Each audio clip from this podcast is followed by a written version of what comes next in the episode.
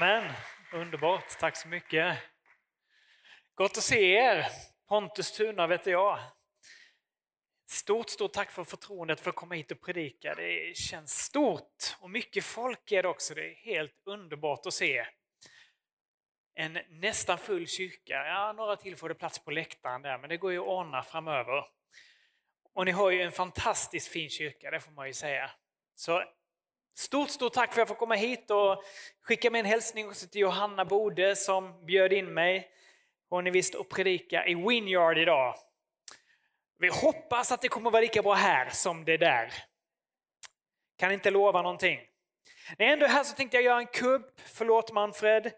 Säga det, jag jobbar ju med Bibelskola Väst. Det finns fortfarande möjlighet att ansöka för den som vill ge ett år och söka Gud och lära sig mer om Bibeln. Bibelskola Väst, en bibelskola för alla åldrar. Vi har allt ifrån 17 18-åringar, 19-åringar och den äldsta vi haft var 63, får se om de kan bräcka det.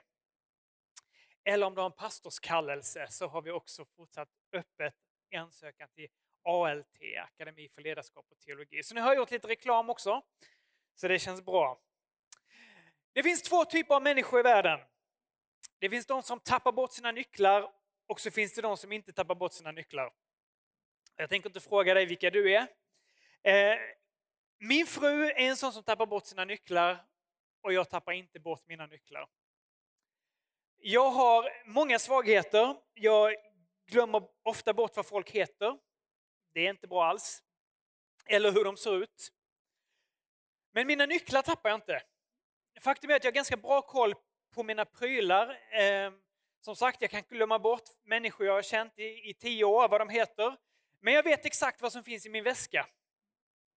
Eh, och, och, ibland händer då dock det som inte får hända, nämligen att jag vet vad en sak är och sen när jag ska hämta den så är den inte där.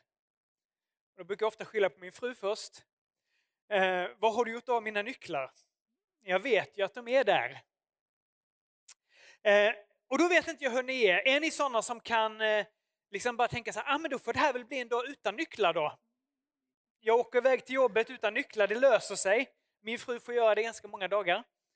Eh, jag kan inte det. Alltså jag får ju panik. Det är som att tiden stannar och, och jag, kan inte göra något, jag kan inte tänka på någonting annat förrän jag har hittat de där nycklarna. Jag, jag, jag känner mig som den där kvinnan i Bibeln som ni vet, tappar bort ett mynt och vänder upp och ner på hela huset och städar tills hon hittar det. Så måste jag göra med mina nycklar. Och utifrån det så tänkte jag idag att vi skulle prata om prioriteringar. Nya prioriteringar utifrån det nya livet. Och hur saker kan hända i livet som gör att saker helt vänds upp och ner. Så låt oss be tillsammans. Fader i himmelen, vi tackar dig att du vill göra något fantastiskt den här dagen. här. Vi ber att du ska tala, Herre.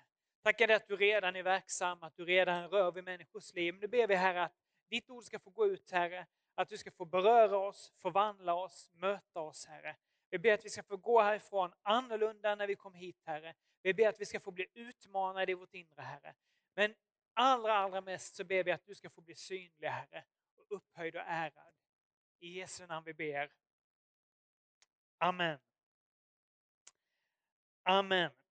Ja, jag tänkte jag skulle börja med att läsa ifrån Filipperbrevet 3 eh, och vers 7 till 9.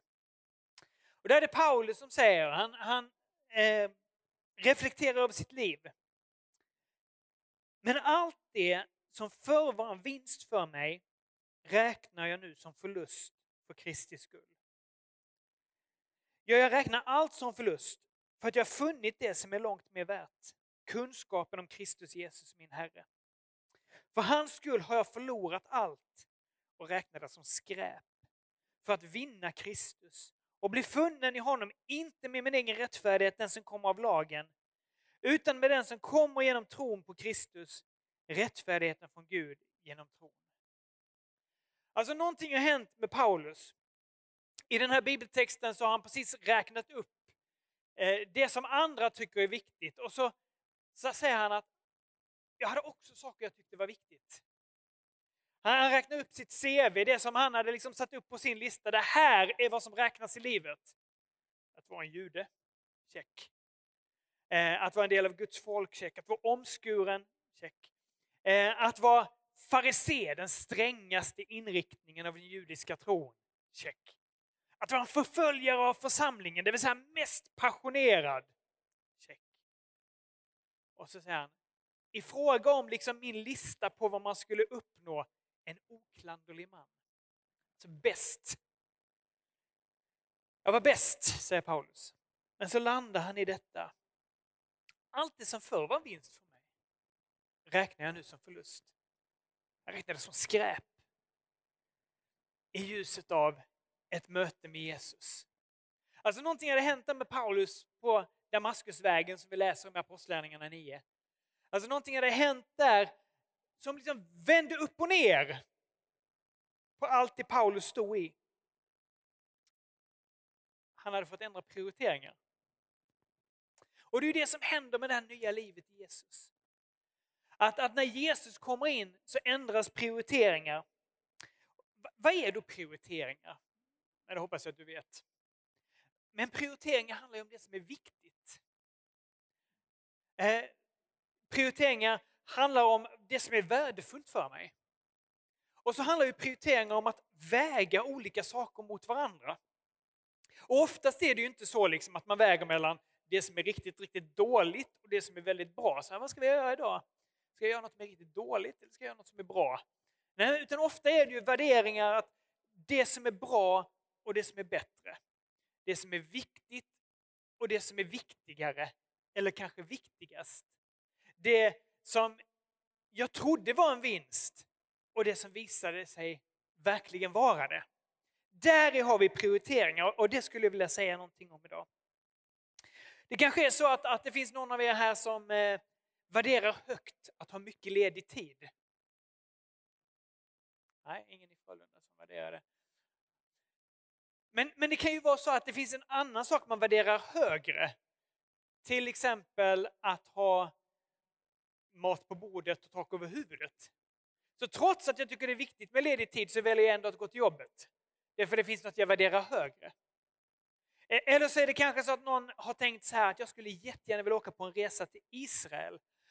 Och så leder det till att, att saker som jag tycker är viktiga, till exempel att eh, gå på bio eller köpa möbler eller köpa kläder, men det prioriterar jag ner.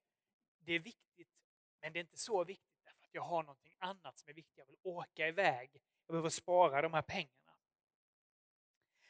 Och, och så kan det vara, att vi behöver prioritera. Och, och sen ibland i livet så händer det saker, saker som liksom skakar om prioriteringarna.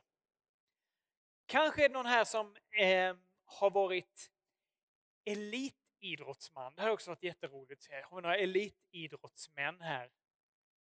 Är det någon som, som är på väg upp med en hand sådär? Då får man öva väldigt, väldigt mycket. Man kanske övar 6, 8, 10 gånger i veckan. Men så händer det någonting. Den här elitidrottsmannen träffar sitt livs kärlek. Och plötsligt så känns det som de här 8-10 träningstillfällena i veckan, de känns inte så viktiga längre. Utan det finns något annat som är viktigare. Eller så kanske det händer någonting negativt.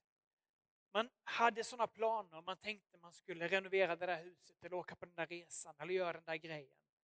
Och så plötsligt blev någon i familjen allvarligt sjuk och så bara alla, alltså allt av prioriteringar skiftas upp och ner så plötsligt så är det som att allt det där som igår verkade så väldigt, väldigt viktigt är inte värt någonting i ljuset av min familjemedlem kanske som behöver bli frisk.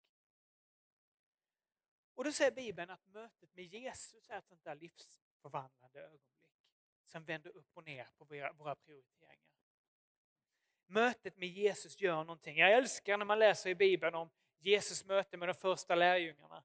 Till exempel som det står i Markus evangeliet 1-18. När Jesus kommer gående längs Genesarets sjö så ser han Simon, Petrus och Andreas.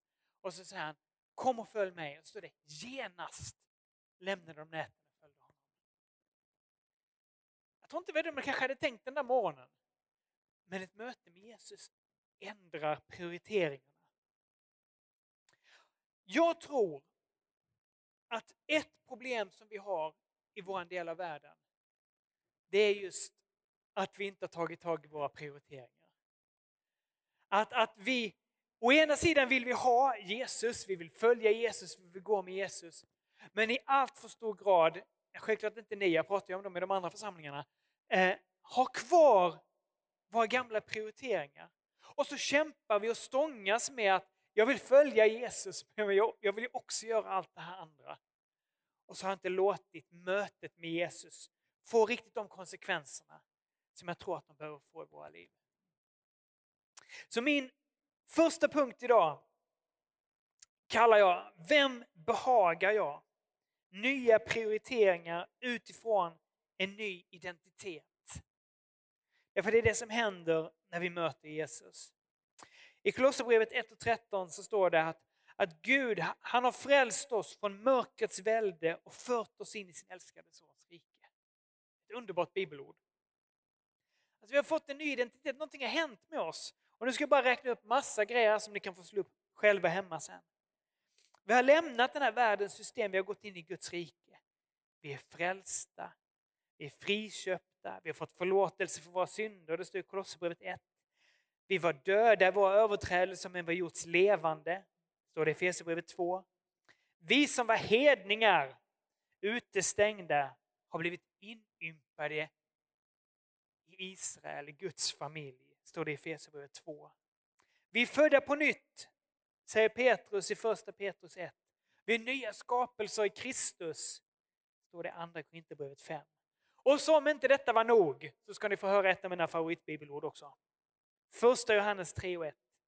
Se vilken kärlek Fadern har skänkt oss att vi får kallas Guds barn. Och det är vi också. Underbart. Alltså frälsningen är ju så mycket mer än att vi får ett nytt medlemskort. Grattis, nu är du med. Utan någonting händer med oss när vi möter Jesus. Någonting händer med vårt hjärta, någonting händer med våra liv. Vi är nya, vi har fått en ny identitet. Jag tillhör Gud. Jag var någon, men den är jag inte längre. Jag var en syndare, jag har blivit rättfärdig. Jag var en hedning, jag har blivit en del av Guds folk. Jag är ny, skapelse i Kristus. Det behöver vi påminna oss om. Och därför vore det ju underligt om jag är ny, att jag hade samma värderingar och samma prioriteringar som jag hade innan och som människor runt omkring mig har. Om ni har era biblar med er så kan ni få gå med mig nu till Romarbrevet 12 och 1 som är ett av huvudbibelorden idag. Romarbrevet 12 och 1. Kanske är det några av er som känner igen det här bibelordet. Där står det så här. Därför uppmanar jag er bröder vid Guds barmhärtighet att frambära era kroppar som ett levande och heligt offer som behagar Gud, er andliga gudstjänst. Och anpassa er inte efter den här världen, utan låt er förvandlas genom förnyelsen av ert sinne så att ni kan pröva vad som är Guds vilja. Det som är gott och fullkomligt och som behagar honom. Jag vet inte hur du har upplevt det, men jag tänkte säga att den världen jag lever i, som jag tänker att vi delar, så uppmanas vi ständigt att sätta en person först. Och det är mig själv. Jag vet inte om ni har hört det någon gång. Ah, men jag måste satsa lite på numero uno. Jag måste lägga lite tid på mig själv. Och så säger Anna, bra, bra, bra, satsa på dig själv.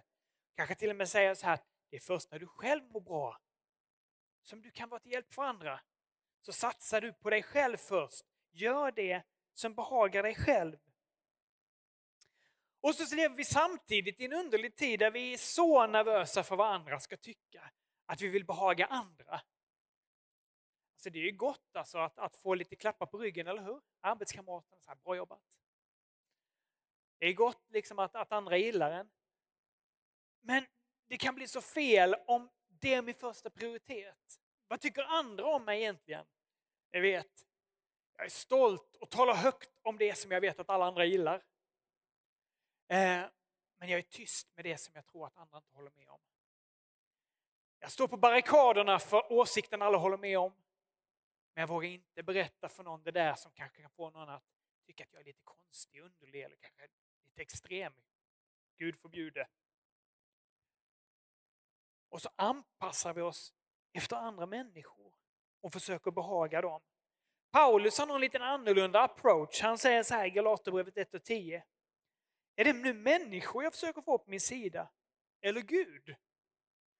Om jag söker människors gillande, hade jag fortfarande sökt människors gillande, så skulle jag inte vara Kristi tjänare.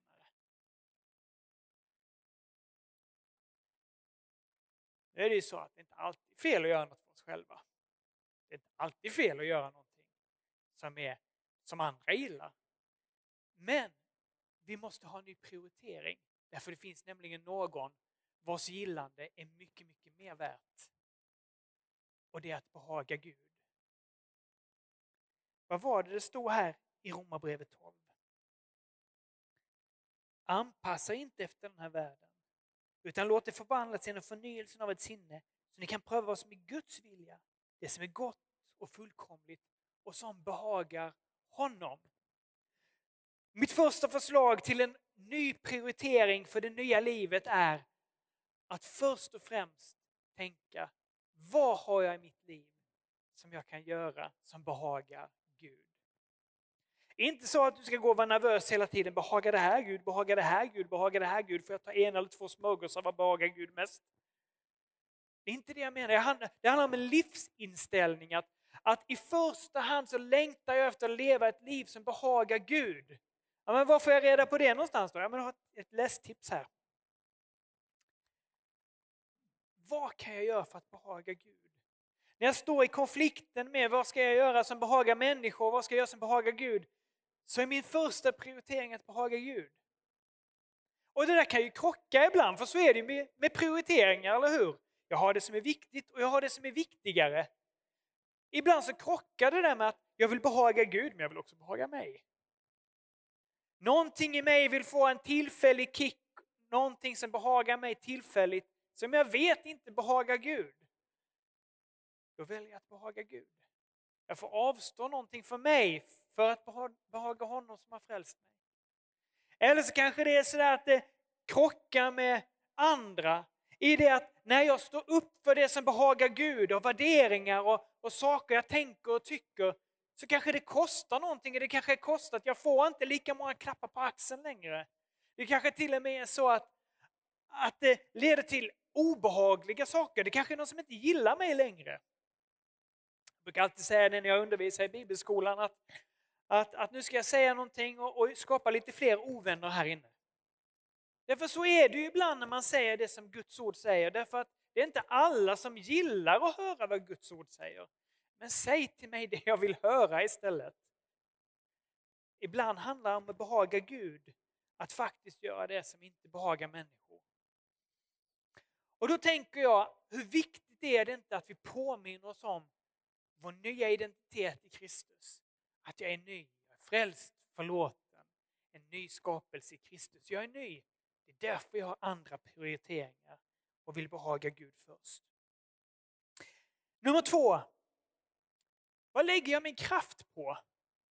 Alltså nya prioriteringar utifrån ett nytt syfte. Vad lägger jag min kraft på? Jag, jag, jag ska säga att jag har en vän, jo vi är vänner fortfarande, vi har inte träffats på länge, han bor i Australien. Och jag bodde i Australien för 15 år sedan så jag kan inte påstå att vi umgås så mycket. Men han hade en underlig målsättning, han hade bestämt sig för att han skulle äta på alla McDonalds-restauranger i Sydney. Och det fanns typ 80 stycken. Eh, lite underligt mål kan man tycka. Men det hade ju nästan varit ännu mer underligt om vi hade träffat en människa som kom in och sa meningen med livet är att äta på så många McDonalds-restauranger som möjligt. Då hade man nästan sagt ja men jag har ett nummer här till en bra psykolog. Det är inget värdigt mål för livet. Jag drar ett extremt exempel, för tänk om det är så att vi har blivit insålda på en lika konstig målsättning för livet. När den här världen pumpar in i oss att meningen med livet är att maximera mig själv. Att göra allt för mig själv. Vad är dina mål kan man fråga någon. Ja, men jag vill nå så långt som möjligt. Mer pengar, mer popularitet, längre i karriären. Det är kanske någon som tycker det låter jobbigt, som säger att jag vill njuta så mycket som möjligt. Jag vill se så mycket som möjligt. Jag vill uppleva så mycket som möjligt. Jag vill ha saker och prylar och nöje. Jag vill vara fri att göra vad jag vill. Nej, ni känner inte igen det. Det finns en person i Bibeln som skriver en del om det. En bok som kanske inte alla av er har läst, men Predikaren skriver om det. Predikaren beskriver hur han jagade efter alla de här sakerna. När han hade konstaterat allting i slutet så landade han i att allting är meningslöst. Det var bara ett jagande efter vind. I slutet av regnbågen fanns bara tomhet. Allt det där jag jagade efter.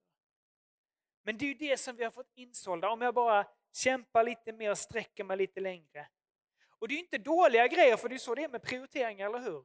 Det är inte mellan bra och dåligt, utan mellan något som känns ganska bra och det som är bättre.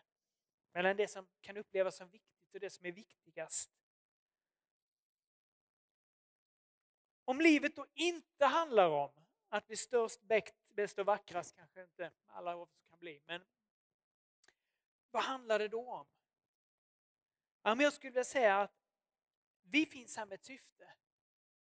Gud har kallat oss, inte att bygga våra egna kungariken, utan för att vara med och bygga hans rike. Ni känner till bibelordet från Matteus 6.33, eller hur? Men sök först Guds rike och hans rättfärdighet. Ja, men då ska ni få allt det där andra också. Allt det där andra som så ofta pockar på vår uppmärksamhet att jaga efter. Sök först Guds rike. Och jag skulle vilja gå tillbaka nu till Romarbrevet. Samma kapitel, några verser längre fram. Då fortsätter Paulus så här. I kraft av den nåd jag har fått säger jag till var och en av er, ha inte högre tankar om er själva än ni bör, utan tänk förståndigt efter det mått av tro Gud har tilldalat var och en. För liksom vi är en enda kropp och har många lemmar och alla lemmarna inte har samma uppgift, så är, också, så är vi också en enda kropp i Kristus. Men var för sig är vi varandras lemmar. Vi har fått olika gåvor efter den nåd vi har fått. Att profetera överensstämmer med tron, att tjäna i vår uppgift, att undervisa i läran, att förmana med uppmuntran och tröst, att dela ut gåvor utan baktankar, att vara en hängiven ledare eller att visa barmhärtighet med glatt hjärta. Tänk om det är så att målet inte är att jag ska maximera mig själv och bli störst och bäst och mest och flest. Tänk om det är så att vårt syfte snarare är att hur kan jag hitta min plats i hans plan, i hans tanke? Om det är så att mitt mål inte är att vara större än alla de andra utan att hitta min plats i kroppen. Att meningen med livet inte handlar om att vara den som har sprungit längst och snabbast utan har sprungit på sin bana. Det är ju vad Bibeln säger, fullborda det lopp som Gud har lagt upp åt mig. Att vara en del av det här stora uppdraget som Gud har gett sin församling. I Matteus 28 och 19, att gå ut i hela världen och göra alla folk till lärjungar. Ibland så kan vi hamna i diken och så tänker vi att om, det bara handlar om att bygga Guds rike, ja, men då får jag sluta mina studier och gå hem från jobbet och så får jag ta mina traktat och så får jag gå ut på gatan och så är det det jag får göra för resten av livet. Det får du gärna göra alltså. Men jag tror inte det är det vi måste göra. Därför att prioriteringar handlar inte om antingen eller, det handlar bara om att se vad som är viktigast. Det handlar om att värdera saker gentemot varandra. Att jag har som en livsinställning att, att jag har ett högre syfte. För det är inget fel att tjäna lite pengar, det är inget fel att, att satsa på att, att vilja bli lite bättre. Det är inget fel i att göra de här sakerna. Det är bara det, det är, det är inte det viktigaste. Jag har upplevt i mitt liv, och jag tror att du kan få uppleva i ditt liv, att det finns en så otroligt stor tillfredsställelse när man bara ser att här fanns liksom ett, ett, ett hål där mitt liv som en pusselbit kan få hitta sin plats. I Guds stora plan. Jag behöver inte bevisa för någon annan. Får jag bekänna saker för er? Det fanns en tid när jag ville bli den bästa. Jag ville gärna bli den bästa predikanten. Jag ville gärna bli den bästa bibelläraren jag kände. Och så kände jag mig hotad när det kom någon som var bättre. Någon som var lite mer populär. Ni, ni förstår inte hur de kan vara det, men jag kan berätta det är så. När vi har eh, omröstningar i bibelskolan och jag inte vinner mest populära lärare.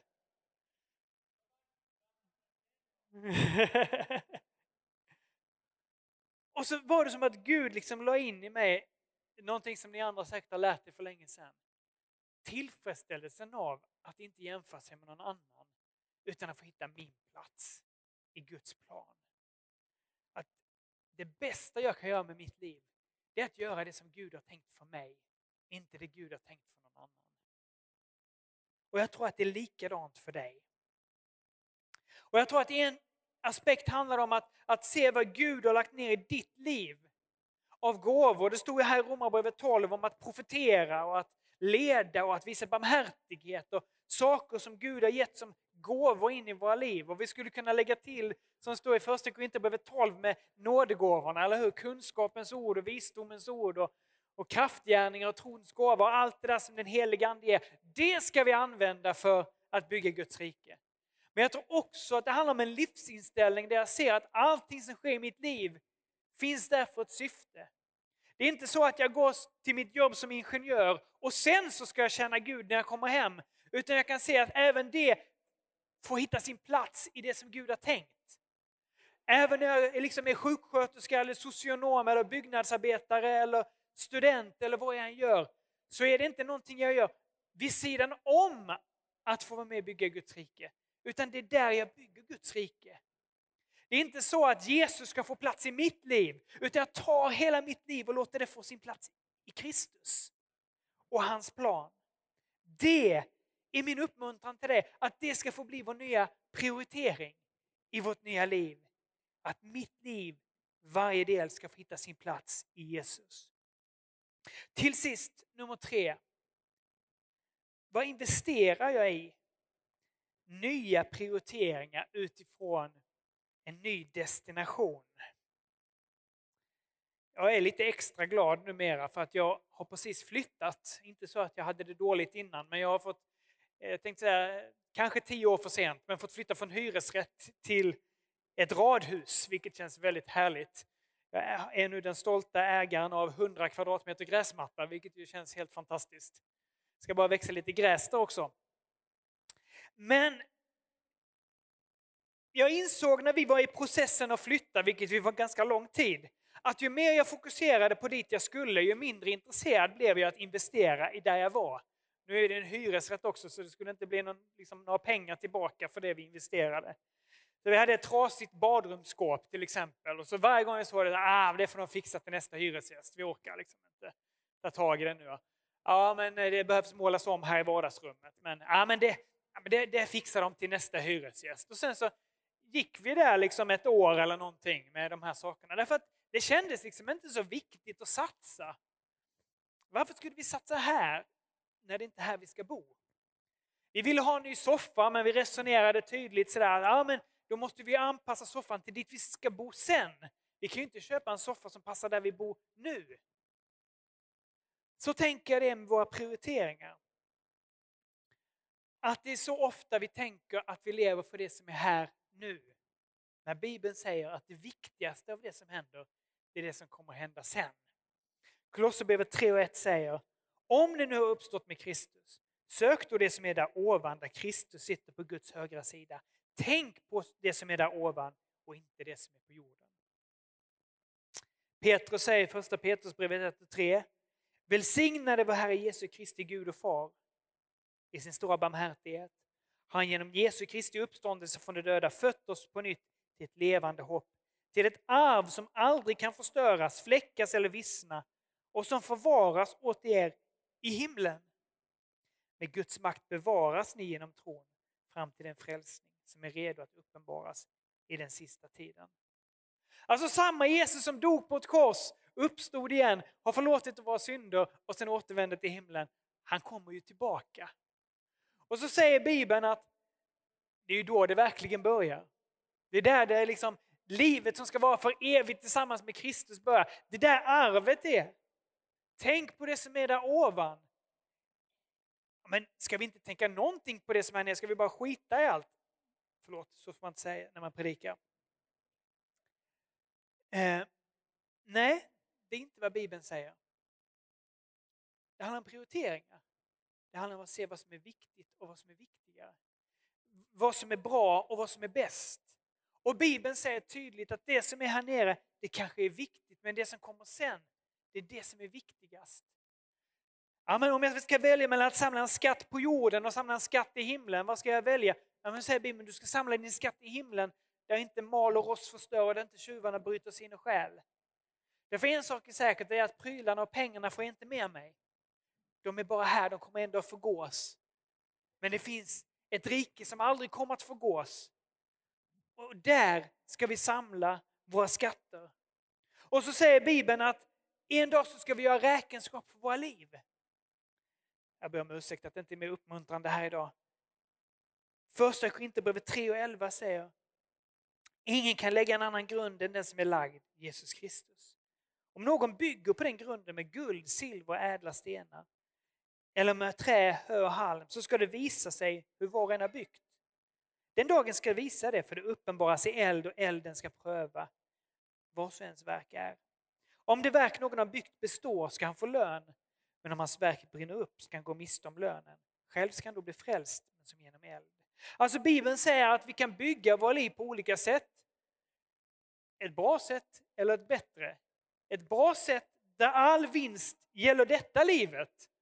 Och så säger Gud, ja, men det är bra för detta livet men ändå kommer det brinna upp. Eller bygga ett liv som består för evigt. Av guld och silver, ädla stenar som håller och som ger en lön för evigheten. Jag tror att vi kanske har blivit lurade ibland i vår tid att vi ska leva här för evigt. Att i det här livet, här och nu, allting handlar om och så jagar vi efter samma saker som Bibeln säger. Allt det där jagar hedningarna efter och så jagar vi efter det också. Jag talar inte om dig såklart, jag talar om den som sitter bredvid dig. Det är inte så att det är förbjudet att göra det lite trevligt här, det är inte det jag säger. Jag säger bara att vi ska ha en livsinställning och en annan prioritering. Det finns någonting som är viktigt. Nämligen att bygga ett liv som håller för evigheten. Jag vill göra en långsiktig investering. Jag hörde på nyheterna nu att ska man nu bli rädd för att börsen går ner så säger de här, sitt still i båten, det är en långsiktig investering. Jag vill göra en långsiktig investering. Jag vill göra en så långsiktig investering att det räcker in i evigheten. Och då kan vi fundera på vad är det egentligen i våra liv som är evigt? Ja, men det är ju så att huset kommer inte vara det, inte båten eller bilen. Men människor kan få vara med oss för evigt. Människor som får höra evangeliet och bli frälsta, de kan vi ta med oss till himlen. Men Bibeln talar också om att det vi gör av generositet får en gensvar i himlen. Att det vi gör av kärleksgärningar till människor, att när vi utger oss själva för andra, det bygger någonting för evigheten. Det samlas på på vårt konto i evigheten. Det tror jag är det som Bibeln menar med att bygga livet med guld, silver och ädla stenar. När jag lägger mitt liv och säger Gud använd mig som du vill. Jag vill ta alla mina resurser. Allt det jag kan investera av kraft, av tid, av talanger, talenter som du har gett mig. Och så vill jag ge dem tillbaka till dig Gud och säga Gud använd de här som du vill i mitt liv. Jag, jag använder inte det här bara för att bygga det som jag själv tycker är trevligt. Inte i första hand, det kan jag få göra också. Men i första hand göra det som har ett evigt värde. Så hör på mig noga. Jag säger inte nu att du ska sälja allt vad du äger och gå omkring i säcktyg och bo under en bro. För att du ska ha mer tid och, och kraft att, att liksom bara känna Gud. Jag säger att låt oss ha en livsinställning där vi prioriterar det ena högre än det andra. Först, vad kan mitt liv betyda för Guds rike? Sen, allt det där andra. Så prioriteringar handlar om att kunna skilja mellan det som är bra och bättre, det som är viktigt och viktigast. Och min uppmuntran till oss idag är att vi ska få kanske det som Paulus var med om. En ny uppenbarelse av Jesus. En ny uppenbarelse av Jesus som kastar om prioriteringarna. Som gör att Jesus blir så mycket tydligare och allt det andra blir så mycket blekare. Det var så jag upplevde det när jag tog emot Jesus. Alla drömmar, allting jag hade planerat för mig själv i ett ögonblick värderades om. Inte så att det var oviktigt, det var bara det att det var så otroligt mycket mindre viktigt än Jesus. Kanske har du varit där också. Ni vet när man får det där gudsmötet. Man står där i lovsången och säger man, Gud, jag ger dig allt. Ta allt. Vad har jag som du vill ha?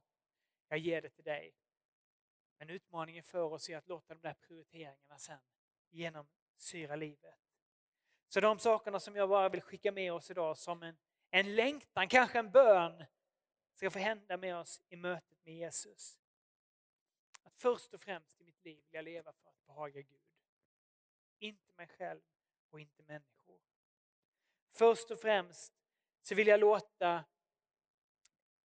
det som finns i mitt liv användas till att uppfylla Guds plan och hans syften för mig.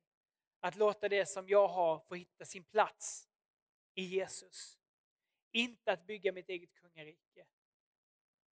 Och till sist, att jag först och främst får en livsinriktning, att de resurser jag har fått av talanger och gåvor och det som Gud har placerat i ditt och mitt liv, att jag ska få använda det för det som har ett evighetsvärde.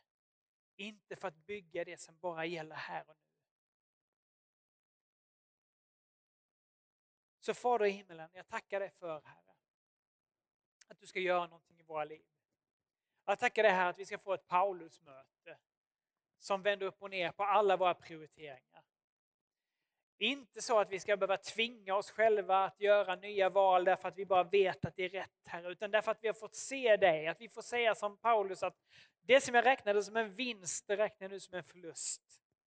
Det som förut var så viktigt för mig betyder ingenting, jag räknade som skräp i jämförelse med vad jag kan få i dig. Herre, att behaga dig, att hitta vår plats i dig, att använda våra resurser för dig, att hitta nya prioriteringar utifrån att jag har blivit ny i dig, Herre. Det är min bön och det är min längtan. Och jag ber för var och en som har lyssnat här idag att du ska tala, att det ska bli en genklang i deras hjärtan. Herre. Att vi inte ska få vara de samma, att vi ska få prioritera annorlunda, att saker ska få prioriteras ner och det som du har tänkt ska få prioriteras upp, Herre. Det ber jag om i Jesu namn. Amen. Och jag skulle verkligen vilja uppmuntra er, vi kommer att ha förbön här om en liten stund, att om det här har gripit tag i ditt hjärta, att sök tillfälle till förbön. Om inte annat för att få ta ett heligt beslut i ditt eget hjärta. Från och med idag så vill jag låta mötet med Jesus få nya prioriteringar. Och sen innan vi går vidare så skulle vi bara vilja också inbjuda dig som kanske inte känner Jesus. Då är det inte lätt att sätta Jesus först. Men då är det så underbart att Jesus till att börja med inbjuder oss till ett liv med. Att Jesus, Guds egen son, han dog på ett kors för 2000 år sedan. Han dog men han förblev inte död utan han uppstod igen på tredje dagen. Och I Jesus så har vi fått förlåtelse för våra synder. Allt det som skiljer dig och mig från, från Gud, det har Jesus tagit på sig. Och nu står han här idag så inbjuder han dig till att få en egen och personlig relation med honom. Kanske är det någon här som inte har den relationen, då kan du få den idag. Och då skulle jag också bara vilja inbjuda dig att ge ett gensvar till Jesus. Det enda du behöver göra för att få bli frälst, säger Bibeln, det är att, att med din mun bekänna att Jesus är Herre och i ditt hjärta tro att Gud uppväckte honom från de döda. Att komma till Gud, be till honom, den som åkallar Herrens namn ska bli frälst, säger Bibeln. Jag säger, jag är Jesus, om det är sant, då vill jag ha det. Om du finns vill jag ha en relation med dig. Så kan vi inte göra så att vi sluter våra ögon allesammans i respekt för varandra. Och så vill jag fråga dig, medan alla blundat, om du är här som kanske behöver ta emot Jesus för allra första gången. Eller om du är här som vet med dig att jag är en sån där förlorad son eller dotter som en gång har haft en tro men jag har vandrat bort från Gud. Men nu längtar jag efter att få komma hem igen. Om du behöver ta emot Jesus för första gången eller för andra gången eller tionde gången så kan du ge din respons till Gud bara genom att räcka upp din hand så vill jag be för dig. Så finns du här som säger ja Herre, jag behöver. Så räck upp din hand. Gud välsigne dig. Är det någon mer? Gud välsigne dig. Finns det någon mer som behöver göra det? Gud välsigne dig där bak. Finns det någon mer? Gud välsigne dig. Låt oss be för alla de som har gett sig till känna inför Herren. Herre Jesus Kristus, jag tackar dig för att du är vår frälsare. Nu ber jag för alla de som har sträckt upp sin hand här som ett tecken till dig att de vill ta ett förstagångsbeslut eller ett nytt beslut. Att bjuda in dig som sin Herre. Jag ber Herre att du ska möta dem där de är just nu Herre. Att du ska låta frälsning och frälsningsvisshet komma in i deras hjärtan. Att de ska få förstå och veta att från och med idag så tillhör de dig Herre. Från och med idag som en son och en dotter till dig Gud. Från och med idag så finns du i relation med dem Herre. De har fått förlåtelse för sina synder. De har fått bli allt det vi talar om idag. De har fått bli en ny skapelse i dig. Någonting nytt har kommit. Och jag ber om ditt beskydd och din välsignelse över dem. I Jesu namn. Amen.